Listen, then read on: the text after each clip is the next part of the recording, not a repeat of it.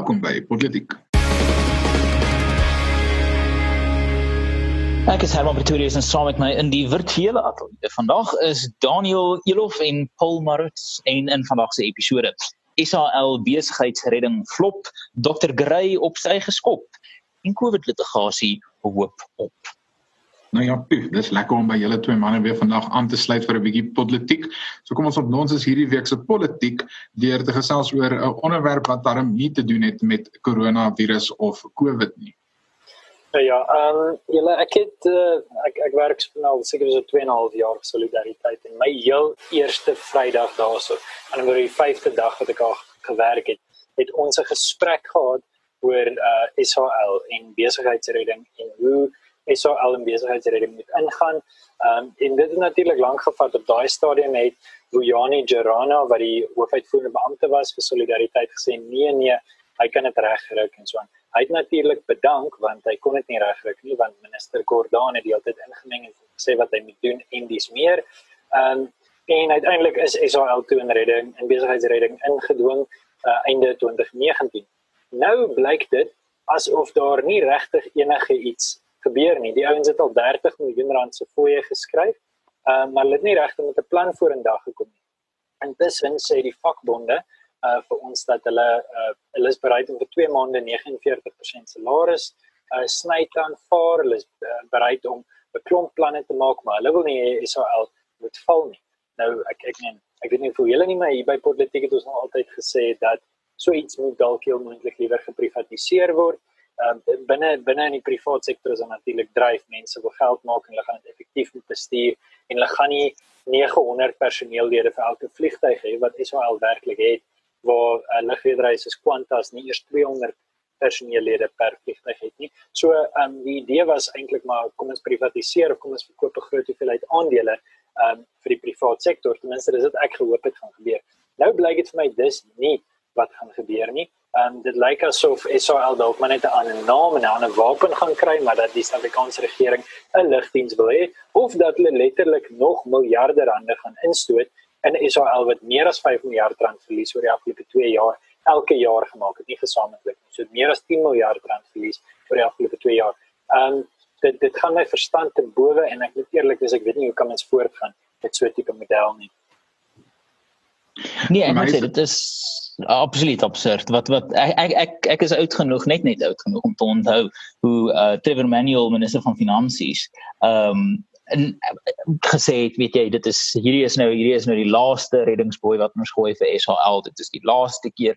En dis omtrent wat 16 goeie se nee, meer as 16 jaar gelede wat ons sit in hierdie situasie uh waar waar miljarde der miljarde der miljarde rande hier agter uh, uh gegooi is. En ek moet sê wat vir my duidelik is hiervan is hierdie hierdie was nog nooit 'n vraag van rasionaliteit of effektiewe beheer van van uh, fondse of enigiets in daai rigting nie. Dit is uit en uit ideologies en ideologie is die gevaarlikste dogma ek dink omtrent wat mens moontlik vandag in 'n politieke bestel kan sien vir my is dit natuurlik so vreeslik snaaks as as ons sit en dink hoe Suid-Afrika dinge benader letterlik in hierdie tyd van hierdie pandemie met die afgelope 4 maande wêreldwyd sien ons dat Emirates lugredery is besig om afleggings van 30000 mense te oorweeg.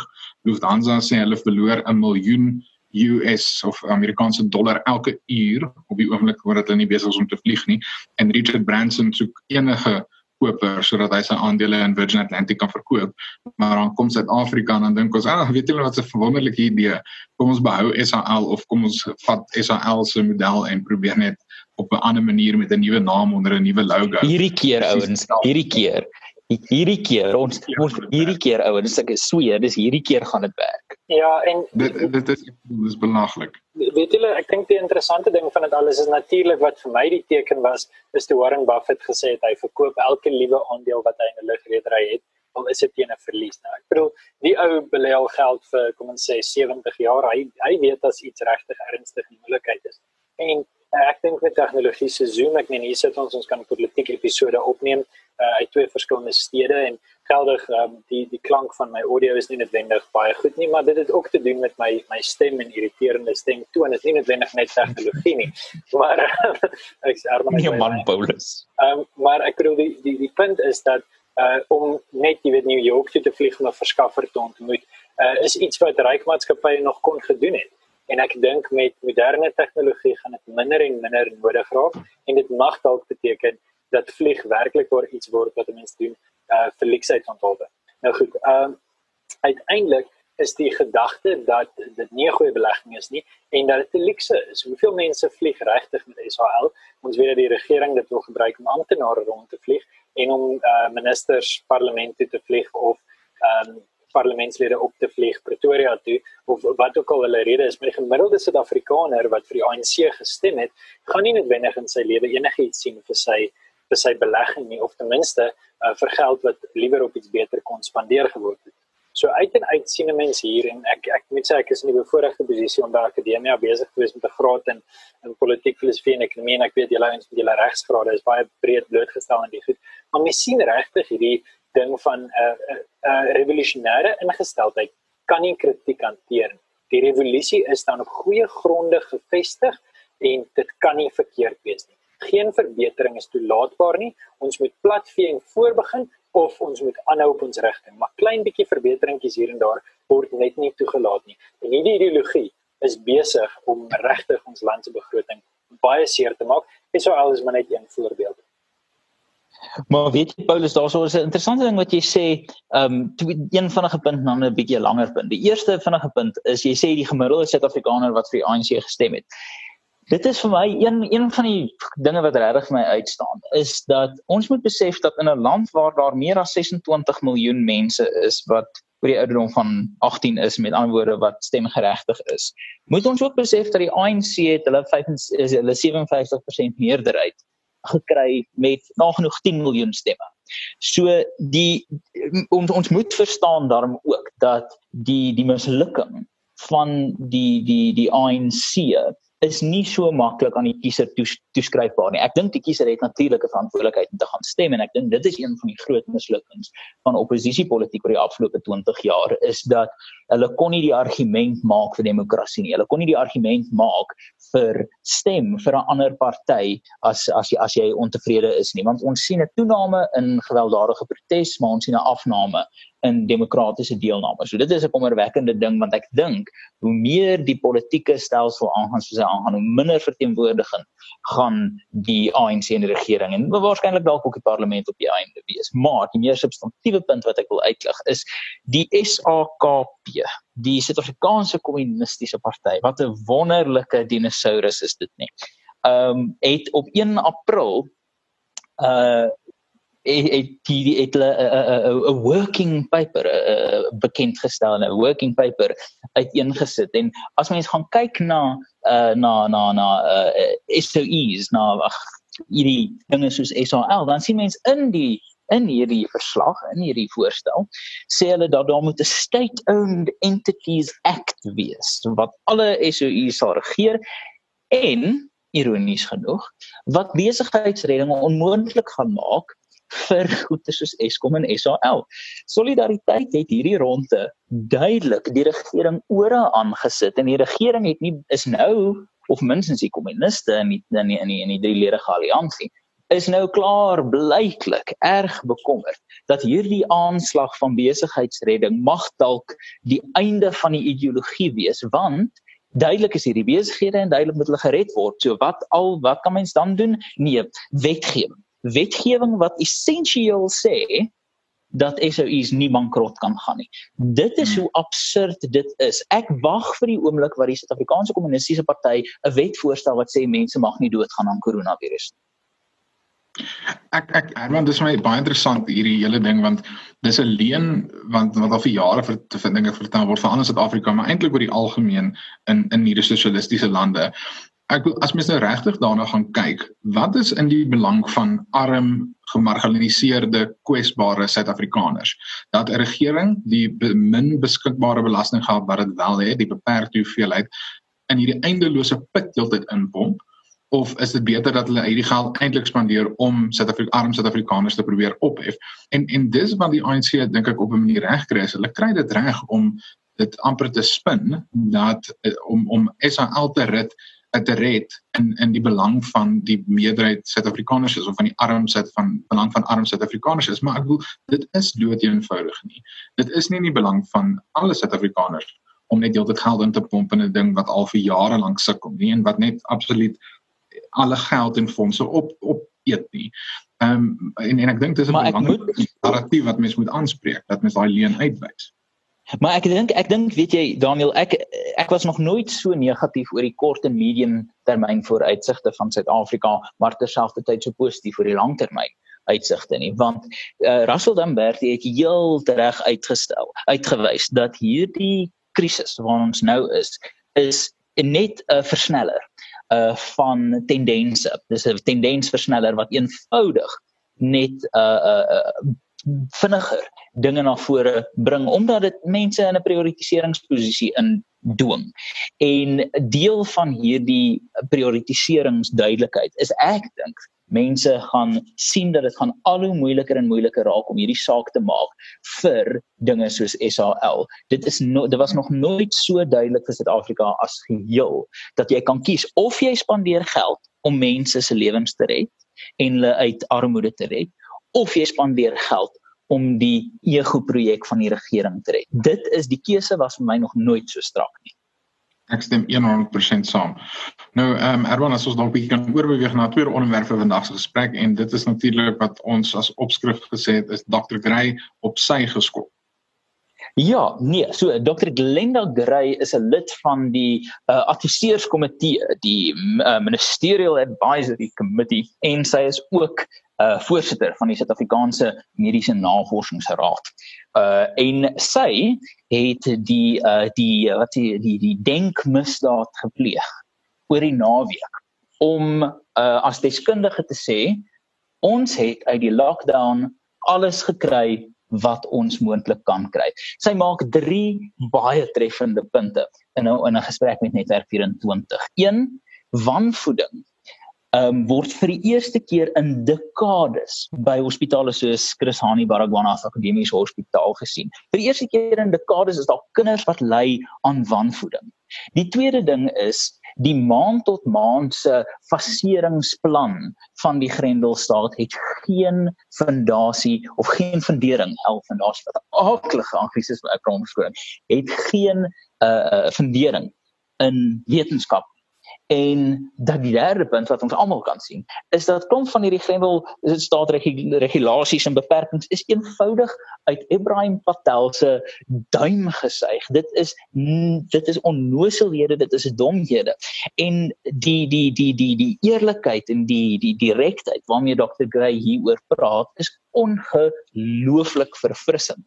Maar maar dit was nou die naweek en dit is nou vandag uh, 'n uh, paar dae later En ons sien dat Dr. Grace al reeds geforseer om 'n bietjie haar posisie aan te pas om uh, om haar, haar uh, uitsprake as dit ware in te katrol en intree die uh direkteur-generaal uh van die gesondheidsdepartement uh ook 'n stoere uh kaartdraer van die nasionaal demokratiese revolusie wat sê dat dit is nie die plek van deskundiges om vir die regering advies te gee oor die Grendelstaat nie. Dit is hulle plek om uh, om om advies te gee oor die oor die virus, maar oor oor dinge soos die soos die lockdown nee, dit is dis dis totaal uit buite orde en die fascinerende ding hier wat wat dokter Pilay sê is uh uh die die kritiek is inderwaarheid nie wel gefundeerd nie eenvoudig omdat die adviseurskomitee waarvan Dr. Gray lid is, op die been gebring is om inligting oor COVID-19 te gee en die meegaande tegnologiebehandeling en laboratoriumbestuur. So, hy's besig om te sê nee, die kritiek is nie goed gefundeer nie, want dis nie dis nie waarvoor die adviseurskomitee op die been gebring is nie. Maar ek dink enigiemand kan deur Dr. Pilay se stelling kyk en gaan sê, "Perd, jy praat glad nie hier per die meriete van wat Dr. Gray sê nie. Fair enough. Kom ons sê, kom ons sê die adviseerskomitee mag nie sê die die die Grendelstaat of die uitfasering is 'n slegte idee nie. Dit verander nie die feit dat een van die voorste deskundiges as dit kom by die gesondheid van Suid-Afrika gesê het, die regering is besig om absoluut waansinnig op te tree nie. En ek ek het baie simpatie met Dr. Gray dat sy waarskynlik sedert haar uitspraak oor die naweek on, ongelooflike druk geplaas is maar ek dink dit is verfrissend dat ons hierdie duidelike eerlikheid kan sien wat sê almal moet nou besef hierdie grendelstaat is nie meer 'n gesondheidsbesluit nie dit is ideologies en dit is suiwer suiwer deel van die groot projek om die staat die middelpunt van die lewe in Suid-Afrika te maak selfs die middelpunt van kos. Yes, ehm um, ag weet jy ek dink ehm um, die interessante ding is ons sien in politiek natuurlik die oorgang van uh, wat ons noem wel seker maar kan sê ideologiese of nee, kom ons sê politieke legitimiteit. En ek dink elke een van hierdie skuwe vat politieke legitimiteit weg. Waar ons op 26 Maart mense gekry het wat gesê het Cyril was die Churchill Churchillian gewees en hy was die regtig die leier en we are led. Ewe skielik sien jy dit minder en minder en minder en dit is nie meer as ek net kan sê randfigure nie dat randfigure nie gesag het nie, maar dit is nie meer net mense wat in die donker te blaf nie. Die massas is besig om te sê dit wat hier aangaan uh, is nie reg nie. Dit wat hier aangaan um, is is besig om in te gaan teen dit wat reg en normaal is. Uh Catherine Child van Business Day Live het vroeg die week 'n artikel geskryf met ses redes hoekom sy sê um die die lockdown net nie meer werk nie. En al ses redes was my, jy weet, ek dink is goed dat ons al oor op, op politiek gepraat het, maar jy kon uit en uit op elke liewe een van daai punte, behalwe miskien die laaste een. Ek dink nog steeds jy weet as 1% van almal wat dit kry sterf, is dit 'n krisis, maar ek dink nie noodwendig dat die lockdown te veel van 'n impak daarop gaan hê nie ehm um, tensy jy die hele land absoluut net toesluit vir jy weet ad infinitum tot die virus homself uitvoer op 'n of ander manier en elke liewe werk in die land kos ook ek weet nie hoe hulle dit doen. Algeval lank storie kort ehm um, miskien gepraat van 'n lang storie kort en kort storie lank is dit al tyd om te kyk na eh, 'n uh, volgende vinnige storie Daniel ehm um, dit klink asof ouens is jy weet ouens is ek uh, sit by die huis en werk maar ouens is jy litigeer en jy is besig en ewe skielik is daar baie hofsaake wat 'n mens Januarie nie sou sien kom dit nie of sake wat spesifiek oor die virus gaan. Ehm um, en dit dit lyk ja. of hierdie as 'n hierdie juis ophoop. Nou dis dis die die die einste rede hoekom ek die afgelope twee vorige episode van politiek ongelukkig moes mis want uh organisasies soos julle twee organisasies en ander organisasies het my oorweldig met dringende aansoeke en ehm um, ek dink wat wonderlik is om te sien is hoe die burgerlike samelewing regtig besig is om standpunt in te neem teen die die drakoniese regulasies van die regering.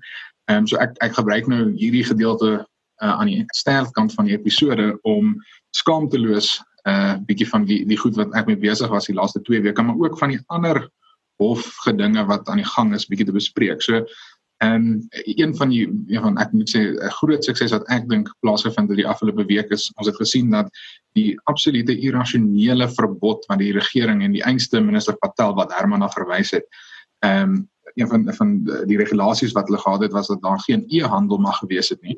En toe op uh, ons het vroeg in Mei het ek namens organisasie Gear South Africa skrywe aan minister Patel gerig en ons het versoek dat ons hulle redes gegee. Ons het 'n bietjie eintlik 'n ander benadering gevolg deur hulle te sê wel hierso's data en inligting oor hoekom julle um, julle beleid moet heroorweeg. En ehm um, het ons hulle tot die 14de Mei gegee om die regulasies te wysig anders ons hof toe gegaan het en toe 4 uur daai middag toe kondig hulle aan dat die die direktiewe wel gewysig is en dat hulle een nou weer toelaat. Nou uit die aard van die saak is daar baie organisasies wat gevra het vir e-handel om terug te kom waar die irrasionaliteit uitgewys het en daar's daai mooi aanhaling wat sê success has many fathers en ek dink dis baie waar in hierdie geval gewees. Ek dink was die gesamentlike druk van klomp organisasies wat gelei het tot hierdie uh regulasies wat gewysig word. En ek hoop dit kan ook gebeur met klomp van die ander gedinge wat op die oomblik besig is. Ons weet die DA gaan nou grondwetlike hof toe om die om om parlementêre oorsig oor die uitreik van hierdie COVID regulasies te kry. Ehm um, en daar's natuurlik klomp verskillende ander partye wat besig is met regsaksie en ons wag in spanning om te sien hoe ons hoewe dit gaan hanteer. Ja, nee, ek moet sê wat vir my uh, besonder uh uh mooi is van hierdie situasie is uh die daar's daar's daar's ek daar's regtig hierdie gevoel dat die burgerlike samelewing uh besig is om 'n bietjie wakker te word. Daarso is stemme wat gehoor word, daarso is sake wat gemaak word en Daniel, ek dink julle kan enorm trots voel. Um ek ek ek het vir jou 'n boodskap op die dag gestuur, maar ek wil sommer hier op die lig wees sê dat jy kan deksels trots voel op daai oorwinning spesifiek op die aanlyn uh, handel wat wat wat jy gewen het. Dit wys net op nuut dat soveel as wat ehm um, daar die die die die uh ehm um, verkiesings in die parlement en die kabinet is so soveel as wat daar mag en politieke insette en politieke verandering deur daai kanale kom is daar hierdie ek dink ongelooflike potente en onbenutte of minstens onderbenutte kanaal van burgerlike druk ek dink daar's ons definitief 'n uh, nuwe besef van wat werklik bereik kan word deur die toepassing van druk. Daar is ongelooflike uh hofsaake wat nie pipeline rus kan ek vir julle waarborg. Die ongrondwetlikhede, die onbes die die die die die waansinnighede van die regulasies uh, gaan gaan liters en liters en liters ink giet oor die komende maande en jare. En dit is die beste ding wat moontlik met die Suid-Afrikaanse burgerlike samelewing kan gebeur is dat daar so 'n drastiese 'n dramatiese inbraak op burgerlike vryhede kan wees en die feit dat deur SA deur um, Daniel hulle se regswerk 'n oorwinning kan behaal in die howe wys net dat druk werk ons gaan nie elke hofsaak wen nie maar die stryd is nie verlore nie die stryd duur voort. Ek is was nog nooit so oortuig dat hierdie gaan 'n lelike stryd wees, daar gaan swaar kry wees, maar ons kan hierdie stryd wen. Hy gaan nie vinnig verby wees nie, maar die stryd vir Suid-Afrika se siel is nog lank nie verby nie. Nou ja, ek meen met uh, met sulke positiewe opmerkings is dit uh, absoluut onnodig om nog 'n blinkkant bo te hê. Die blinkkant hierdie week is, is Herman se optimisme, so saam met jou Herman. Uh nou ja, soos mense wat dink Ibrahim Patel weet wat hy doen, is hierdie episode vir eers aan 'n einde. Ons nooi jou as luisteraar uit om self 'n bietjie te onnonsens die gesprek voor te sit in die kommentaarafdeling.